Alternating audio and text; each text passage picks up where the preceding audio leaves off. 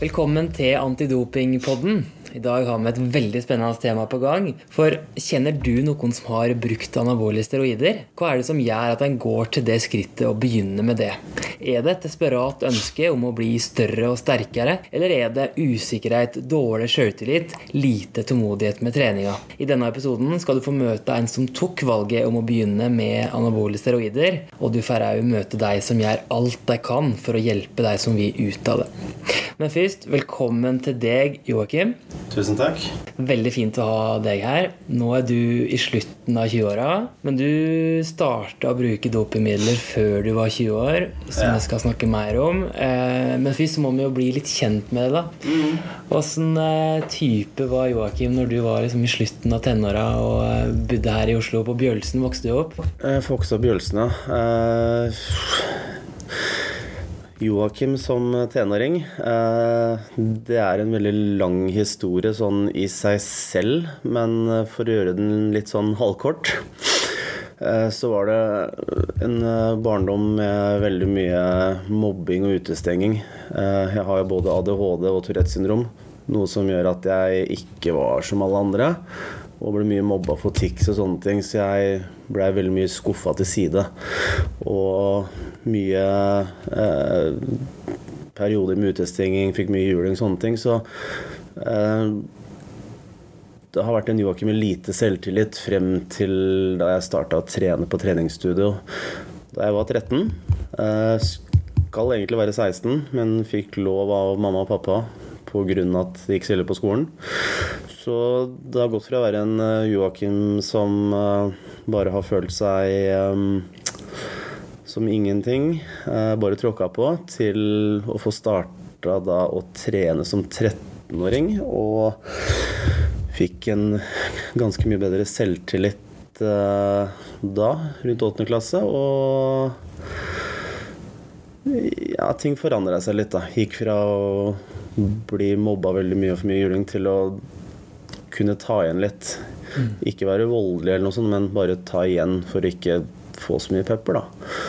Um, men alltid, alltid vært ydmyk og snill og sånn, men Åssen interesser hadde du på den tida? da? Hadde du noe annet enn treninga, eller det som var det viktigste for deg? Jeg hadde vel de samme interessene som eh, alle andre barna, men eh, jeg fikk ikke lov til å være med på det. Jeg eh, ble kasta ut av jeg trenger ikke å nevne navn, men eh, fotballaget vi hadde, som alle sko på skolen der gikk på, eh, ble jeg kasta ut fra fordi det var ingen av de elevene som likte meg. Um, og jeg var da ikke velkommen på noe Eh, sånn type. Altså, fotball ble liksom Selv om jeg hadde interessen for det, så blei du ikke med på det. Så jeg har vel interessen jeg egentlig har hatt. Det er vel spill. Nintendo 64 og første PlayStation som kom ut. Det var der det lå. Så sjøltilliten, den var ikke så på topp da? Nei, eh, ikke i det hele tatt. Ikke, som sagt, ikke før um, ikke før åttende klasse kom. Eh, da det begynte å komme inn andre elever fra andre skoler. Bjølsen er en barne- og ungdomsskole, og det er ikke de andre områdene. Så det kom det nye folk, og jeg hadde fått lagt meg litt muskelmasse og prøvde å få tatt tilbake litt. Og som sagt, det funka jo. Og da fikk jeg et eh, litt annet uh, type image fra de andre. Da. Og det var jo noe jeg bygde på, selvfølgelig. Fordi så mange år med å bare bli tråkka ned, så er det selvfølgelig veldig misforstå meg rett, men positivt å få litt respekt, da. Og ikke bli hakka like mye på. Men eh, det var jo selvfølgelig uh, Mobbinga som sagt tok jo ikke slutt, men jeg uh, slapp i hvert fall å få så mye juling, da. Så For når du Du droppa jo ut av skolen da etter hvert, og da fikk en jobb på, på treningsstudioet. Riktig. Og kom inn i et sånt treningsmiljø. Du hadde jo trena en del år, men, men når var det på en måte tok det valget om å begynne med steroider? da? For det skulle Det holdt du på med i åtte år. Eh, åtte og et halvt år. Men når var det det valget kom? Åssen skjedde det egentlig? Det kom egentlig veldig brått på, fordi eh, altså jeg hadde jo trent i seks år før jeg valgte å starte på anabole steroider. Eh, og det kom egentlig litt sånn eh, på en måte ut av det blå. Det var en person som trente på samme treningsstudio som meg, som da kom bort og sa det at nå ser jeg du har lagt på deg veldig mye muskelmasse. og hvis du hadde starta på litt testosteron og noen anabole steroider, så skulle vi få deg opp av scenen. Og jeg fikk veldig mye boost da, av å bli satt følelsen av å satt pris på. Mm. Um, og selvfølgelig det å liksom høre fra en person som er stor og sterk og veldig mye eldre enn meg, at uh, her er det ikke noen bivirkninger. Det er liksom Kanskje du får litt kviser. Det er kanskje det verste. Så var det jo fristende å starte, og det gjorde jeg. Og uh, da tok det jo ikke lange stunda før uh, progresjonen kom. Da var du slutten av tenåra? da var jeg 19. Ja, 19. Eh, så da var det bruk av anabole steroider, som sagt, frem til 2017. Men med opphold, da, pauser i starten de første åra. De siste åra så var det vel mer eh, konstant bruk uten pauser. Så. Men Kjente du da du tok deg første kurene med en gang at eh, nå blir du sterk, og her kjente, kjente du effekten av med en gang? Eh, altså både og, på en måte. Eh, jeg hadde jo fått eller liksom informasjon om hvordan dette her funka. Jeg, vis, jeg, visste jo hva anabole steroider var. Jeg visste bare ikke hvordan det funka. Så det var vel litt sånn placebo de første dagene. Litt sånn ah, det er store sterk og sånn, men jeg starta jo på testosteronpropionat og enantat, altså hurtigvirkende og langtidsvirkende testosteron, samtidig. Um, så resultatene kom jo veldig fort. Uh, og det tar jo ikke veldig lang tid før uh, hurtigvirkende testosteron starter å funke. Det tar vel en jeg vil si type etter min erfaring, da. Det er litt forskjellig fra person til person, men som regel type to til tre dager før du har full effekt. Og da skjer jo veldig mye. Hvordan var den følelsen? den var jo bra. Eh, jeg kunne jo løfte tyngre. Eh, jeg holdt ut lenger på treninga. Eh, ikke like fort melkesyre. Restitusjonen var jo kunne jo halvere. Pluss at du får en sånn veldig stor, diger følelse inni deg. Litt sånn kongefølelse, hvis jeg kan beskrive det sånn. Du får utrolig mye selvtillit. noe jeg ikke hadde fra før. Så det å liksom få eh, gått til the next level, da, hvis vi skal kalle det, innenfor treninga. Det var steroidene, så var det et pluss. Men det at jeg fikk en veldig god selvtillit, det var jo noe jeg hadde lett etter egentlig hele livet. Så det var jo også noe som gjorde at uh, det blei smør på flesk da, i en uh, positiv vinkel for meg. Men det var jo ikke bare positivt. Når, når kjente du de første negative konsekvensene? Første bivirkningene? Uh, altså, Det tok jo ikke veldig lange stunder før uh, det begynte å komme litt sånn uh, smått med kviser og, og, litt sånn. Jeg har faktisk Den eneste bivirkningen jeg ikke har hatt, faktisk er aggresjon. Utrolig nok. Jeg tror alle har vært borti den. Men ja, det med kviser og sånn, det kom ganske fort. Og eh, etter det så merka jeg sånn på psyken at det var ting som ikke stemte. Liksom litt sånn forandringer. Jeg tenkte litt annerledes. Jeg begynte å gi mer, gi mer faen. Uh, tenkte ikke over konsekvenser. Uh, det var det første jeg la merke til, og som jeg husker veldig godt. da uh, Den dag i dag når hun er helt på plass, så husker jeg veldig godt at det jeg syntes var mest skummelt av bivirkninger eh, som jeg fikk, det var det at jeg begynte å gi mest, mer faen. Tenkte jo konsekvens. Det sånn Bare gjøre en ting. Eh, og vite hva konsekvensene er, men ikke, ikke liksom tenke over det. Bare impulsivt gjøre det. Selv om man veit at konsekvensene er der. Hvilke ting kan det være? Nei, det kan være alt fra noe veldig smått om å stjele noe i butikken til å grove ting som uh, å være veldig voldelig. Uh, altså ikke i mitt tilfelle, men noe som kunne vært stjele en bil eller gjøre noe veldig Noe som man til vanlig da, eh, ikke ville ha vurdert å gjøre engang. Man veit liksom blir jeg tatt for dette her, eller når det skjer, eh, så vil det være konsekvenser, og det vil være det og det. Men Du kjente ikke på deg i, Nei. på samme måte? nei. Nå har jeg ikke vært den typen som har vært voldelig og sånn, men jeg har gjort veldig mye dumme ting, kan jeg si, opp gjennom åra. Og fra den, den type bivirkning kom, da, som jeg angrer veldig på.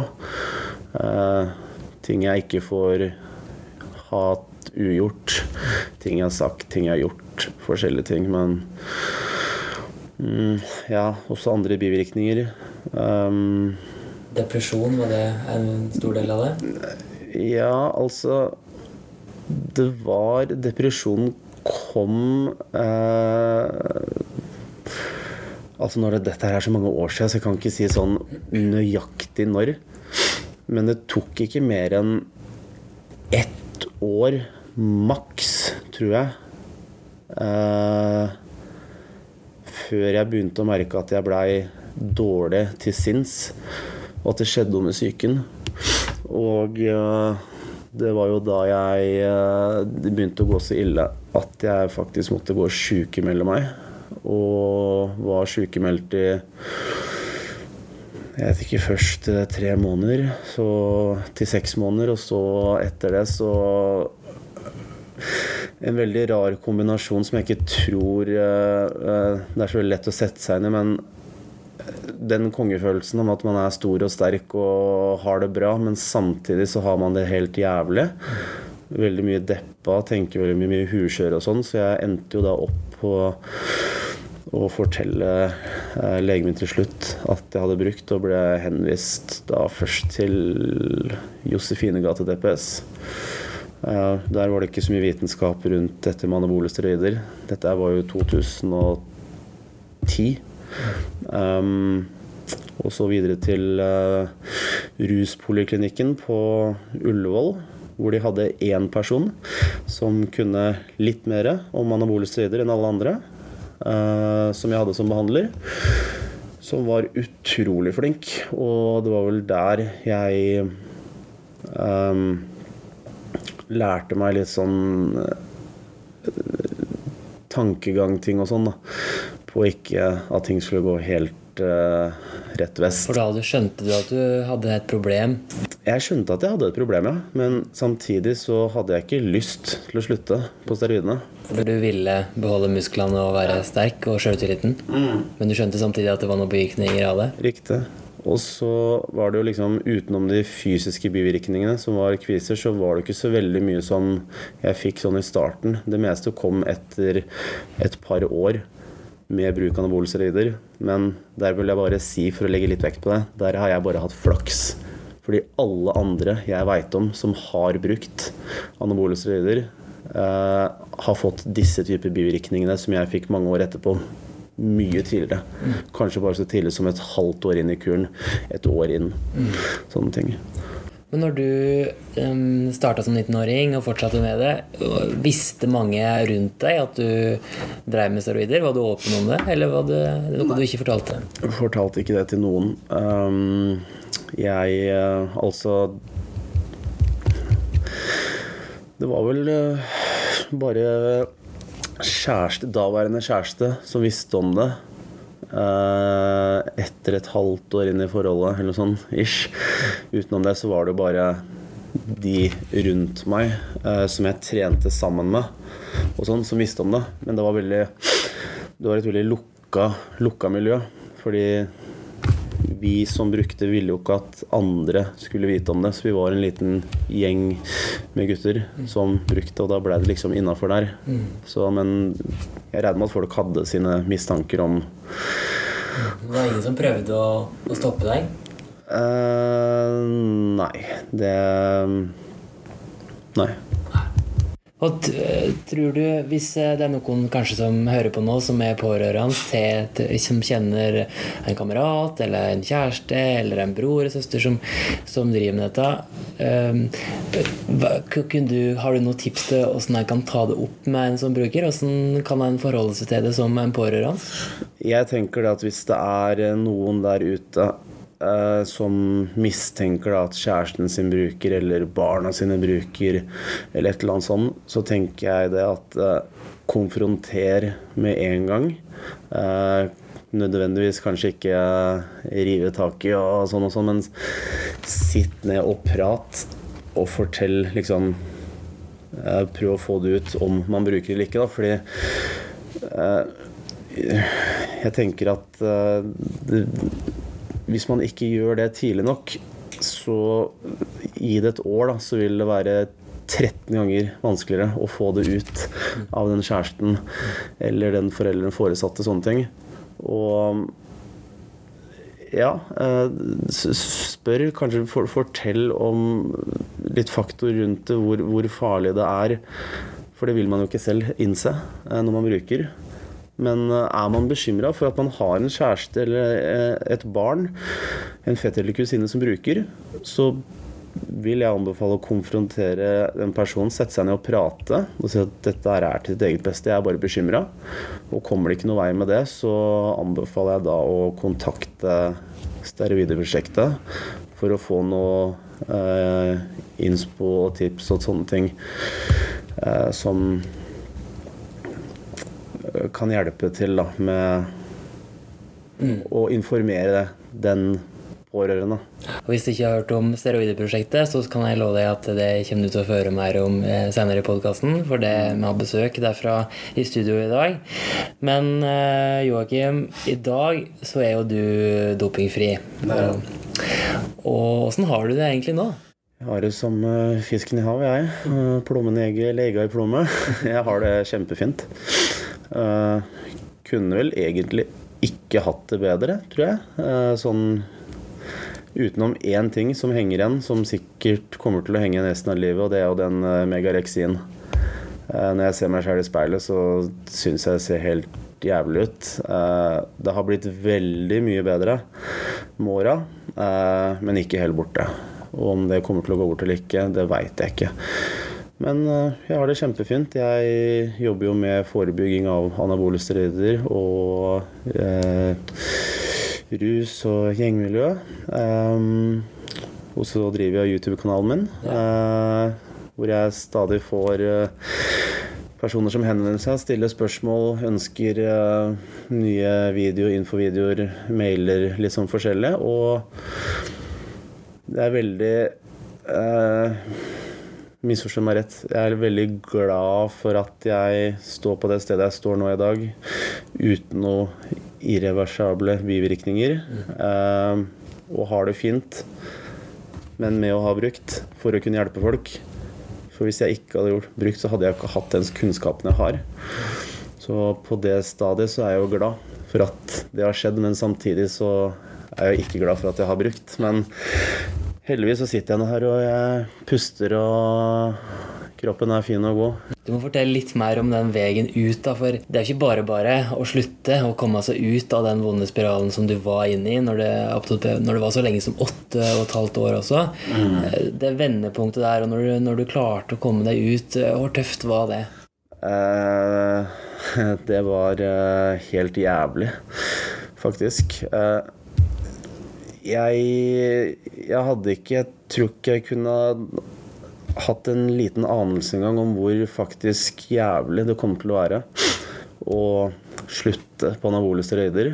Og liksom sakte, men sikkert, når eh, testosteronnivået i kroppen går nedover, og man begynner å kjenne på at eh, psyken blir eh, verre og verre, og mister kroppsvekt og muskler og sexlyst, og liksom alt bare går til helvete Ehm, så den veien fra når jeg slutta i 2017, tidlig 17, og frem til jeg kom meg på beina, sånn ordentlig 100% så tok det faktisk to år.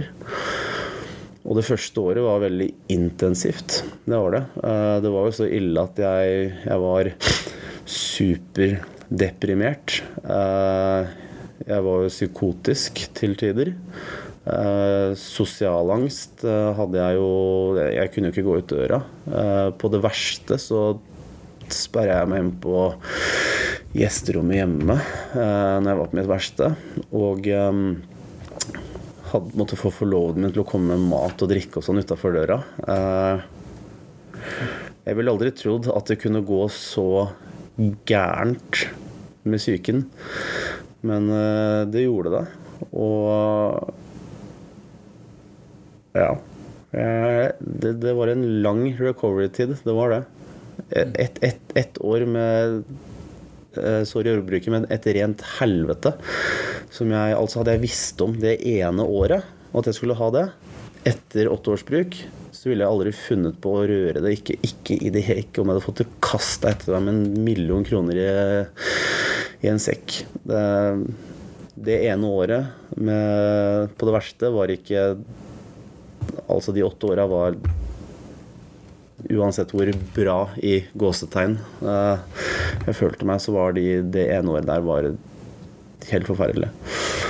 Eh, blei suicidal til, til, tider. Hadde et par uh, forsøk som heldigvis ikke gikk. Um, og så gikk det sakte, men sikkert oppover uh, fra å være helt nede på bånn til å sakte, men sikkert klare å komme seg oppover, da. Uh, ut fra gjesterommet, ut i stua, spise litt, bevege litt på seg. Uh, snakke med folk. Altså, jeg snakka ikke med mamma og pappa, tror jeg, på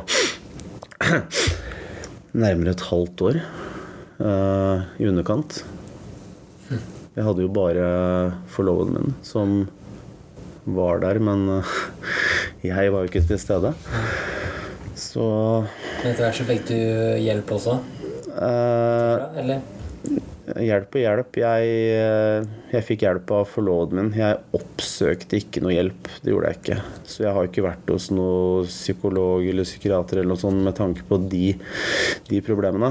Uh, selv om jeg burde ha vært det og burde ha gjort det og få hjelp, så uh, var det heller de to åra med å komme seg på beina. Og den eneste støtten jeg hadde da, egentlig, det var jo forloveden min som jeg bodde med. Som heldigvis eh, greide å stå der gjennom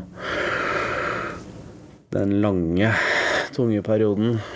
Jeg er veldig glad for at du sitter her i dag og kan fortelle denne historien. Det er en sterk historie, og du har vært gjennom mye, skjønner jeg. Men du, du, har jo nå brukt YouTube-kanalen din som du har vært inne på, og lagt ut videoer der der du har fortalt om ditt bruk og åssen du slutta. Og der har du fått mange tilbakemeldinger og, og føler at nå bidrar du for å, at folk kan slutte. Riktig. Kanalen starta jo i uh, august i fjor, tror jeg. Så jeg har drevet den i litt over et år. Og det var vel egentlig Ja, da jeg følte at jeg begynte å komme meg såpass på beina at nå har jeg lyst til å gjøre noe, så tok jeg en sjanse på å spille inn en video og fortelle om meg sjæl. Og si at jeg har brukt steroider i åtte år og prøve å forhindre og forebygge. Visste jo ikke om det skulle gå bra eller ikke, men det viste seg å gå kjempebra. Ehm, I løpet av noen dager så har videoen vist eh, i underkant av 300 ganger. Og jeg avslutta filmen, eller vlogg eller video, hva jeg skal kalle det, mm. med at jeg var å kontakte hvis noen lurte på noe som helst. Og ring gjerne inn med skjult nummer eller en, lag en mail som ABC123. Og det var det mange som gjorde. Mange som tok kontakt. Um, veldig mange unge. Uh, en del voksne.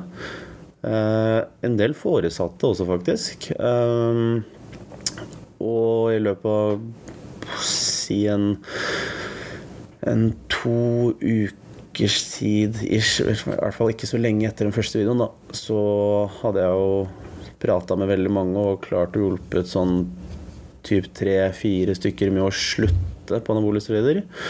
Og rundt en åtte-ni eller noe med å ikke starte. Og det ga jo meg en uh, veldig stor boost og uh, glede her i livet. Og da fikk jeg liksom smake på den uh, største rusen da. jeg har fått smake på i livet, og det å kunne hjelpe andre, som nå har blitt en, uh, en passion for meg. Uh, så da fortsatte jeg YouTube-kanalen, og den driver jeg ennå. Og det er fortsatt folk som tar kontakt. Og det er vel en eh, sånn sirkus Sirkus eh, 2021 som har hjulpet med å, ikke, å slutte på anabolesteroider. Og ca. overkant av 50 som har valgt å ikke å starte. Ved å sende inn mail, chatte på Messenger, eh, ringe, Instagram og sånne ting. Og det er jeg veldig glad for. At jeg kan ha hjulpet det tallet, fordi altså jeg unner ingen i verden å være igjennom det jeg var igjennom.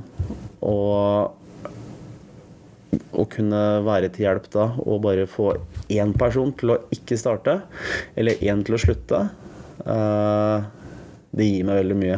Veldig bra. Tusen takk for at du ville dele historia med oss her i Antidopingpoden, Joakim. Ja. Og så kan, kan, vi jo nevne her da, at Antidop Antidoping Norge har jo en egen chattetjeneste som heter Dopingkontakten, som det er jo er mulig å sende inn spørsmål på hvis en trenger å ha noen å prate med om doping og kroppspress. og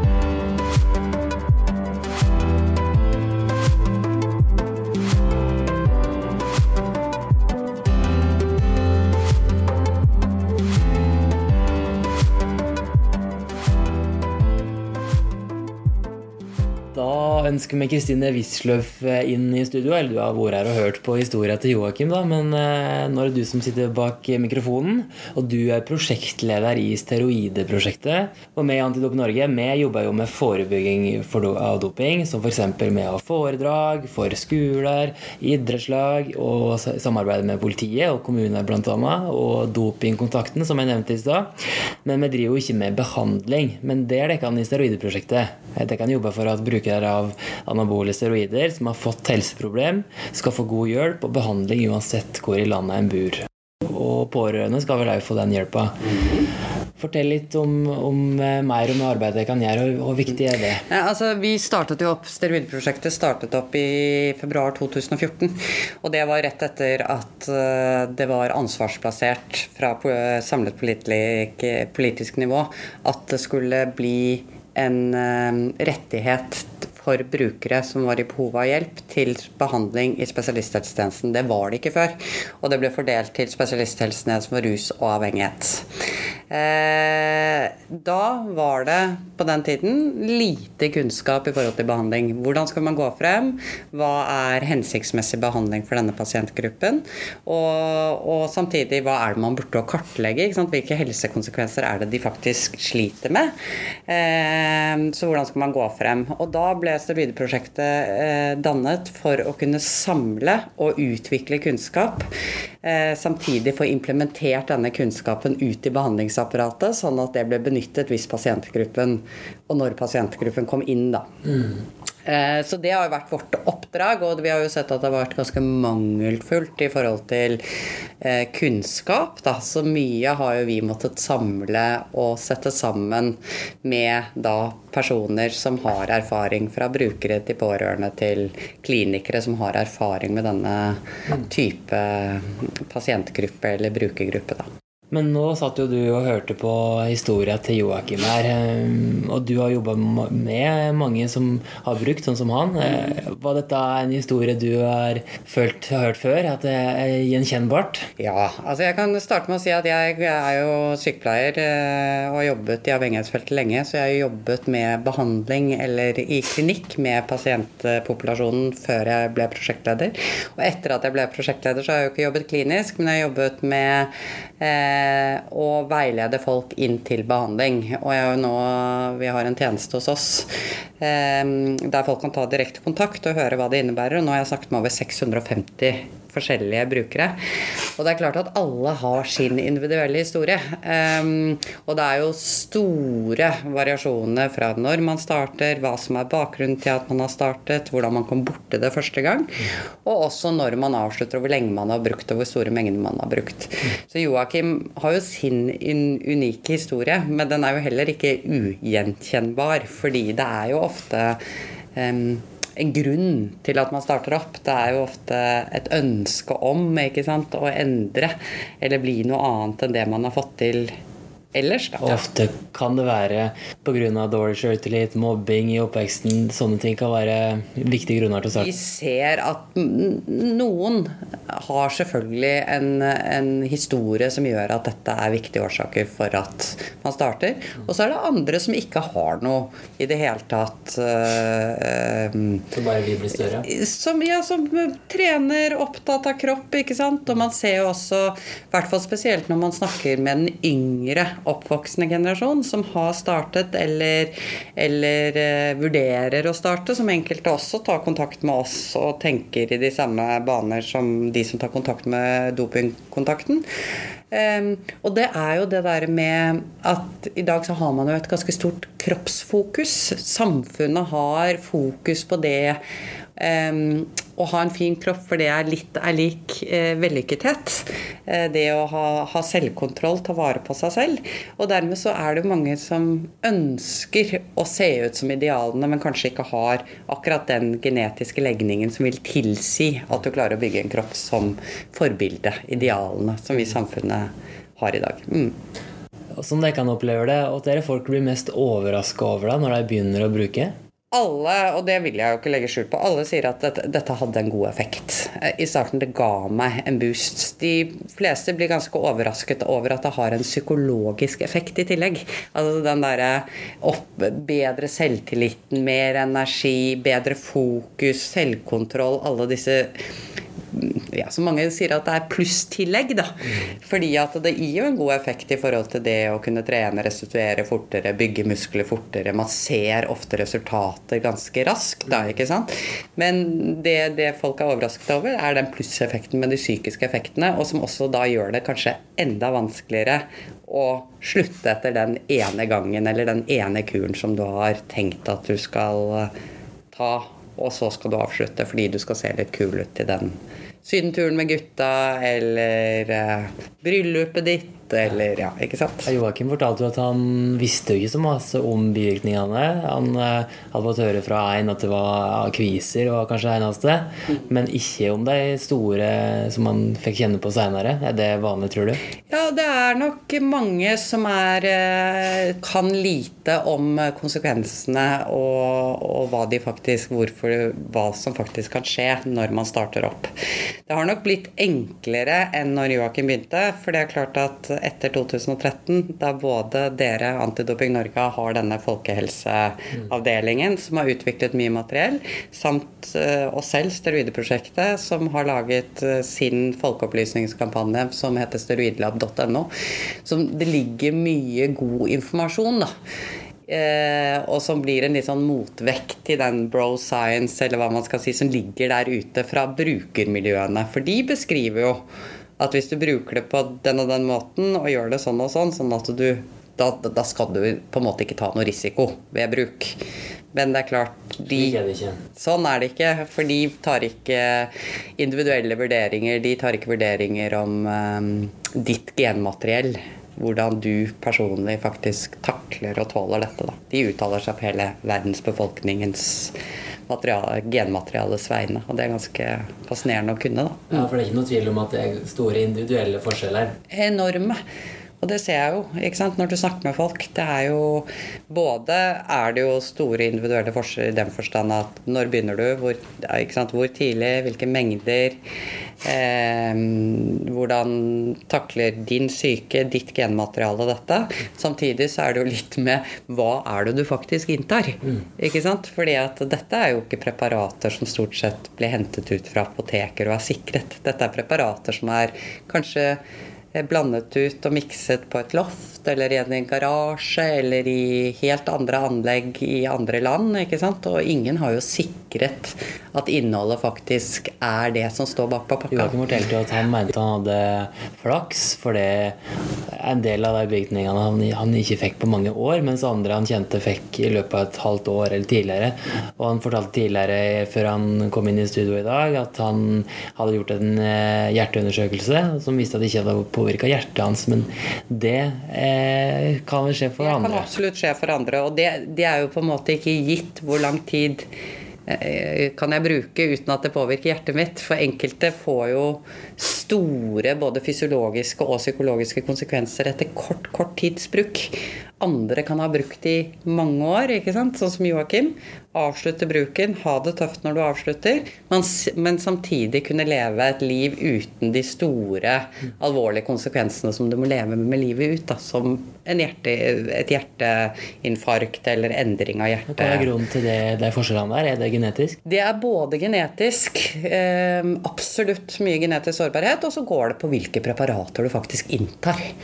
Og enkelte tåler jo noen preparater bedre enn eh, det andre gjør. Så alt er jo en kombinasjon, da. Mm. Om hvor lenge, hvor store mengder, ikke sant. Alt dette. Mm. Joakim fortalte om eh, veien ut av dopinga. Han hadde stor støtte av eh, sin forlovede hjemme.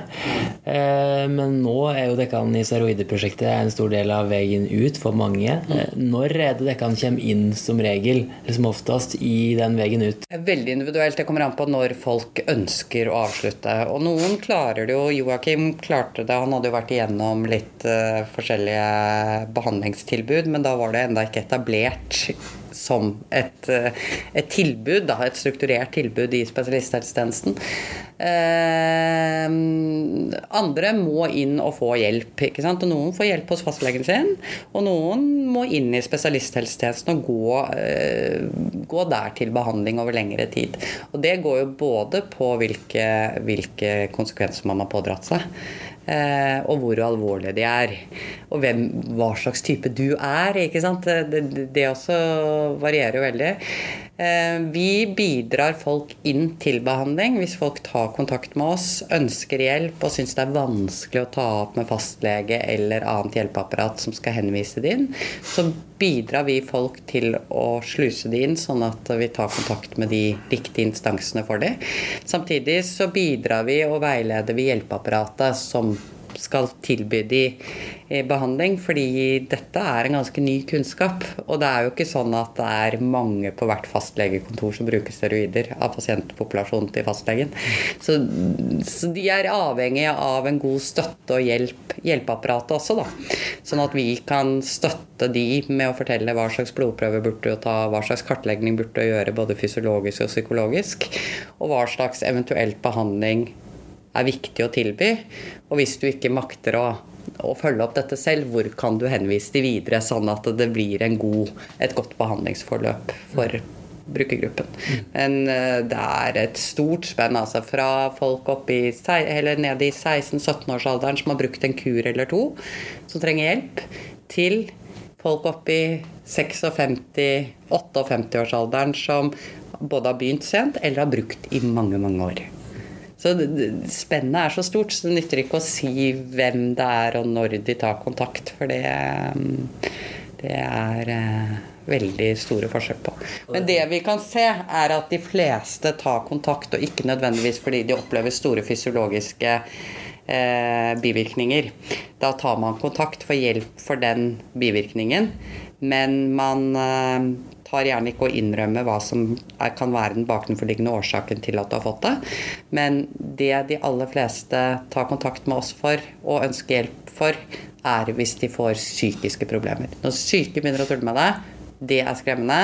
Det er et varsku på, eller et ønske om at da vil jeg gjerne endre eller slutte. Men det er som gjør at jeg ikke fungerer psykisk som jeg alltid har gjort tidligere. Hei til slutt her da, Hvordan, hvis, eh, du snakker til, hvis du snakker til en lytter nå i dag da, som kanskje sitter og hører på, kjenner seg igjen i, i historien til Joakim, eller kanskje til historien til forloveden til Joakim, som er en pårørende som kjenner en som sliter, en som, som bruker, som kanskje vil ut, eller som kanskje ikke vet sjøl at han vil ut av dette her. Åssen råd vil du gi da? Da vil jeg gi råd om eh, Det kan være vanskelig å snakke om det, og man har sikkert gjort det. Og det kan også være vanskelig å konfrontere. Men det går an både å ta kontakt eller gå inn på deres sider og ta kontakt med Dopingkontakten. Eller så kan jo vi, hvis det er direkte i forhold til helse eller eh, annet man lurer på, så kan det også ta direkte kontakt med oss. Eh, og vi har et telefonnummer. Enten kan man ringe oss på 46 95 97 91, eller så kan man gå inn på steroidelab.no. Det er en, side, nett, en nettside som der ligger det masse forskjellig informasjonsmateriell. Samtidig så ligger det mailadresser og annet informasjonsmateriell hvordan få tak i oss. For å kunne få en støtte på hvordan gå frem eller motivere en til eventuelt å gjøre en endring her i livet. Da. Så kan vi bidra både pårørende og brukeren selv til eh, å bli motivert til å gjøre en endring i livet. Ehm, og samtidig også få det inn i behandling. Tusen takk til deg, Kristine Wisløff, prosjektleder i Steroideprosjektet. Det var dagens episode av Antidopingpodden. Det er bare å abonnere på podden i appen du bruker til å høre på podkast, så kommer det nye episoder utover høsten.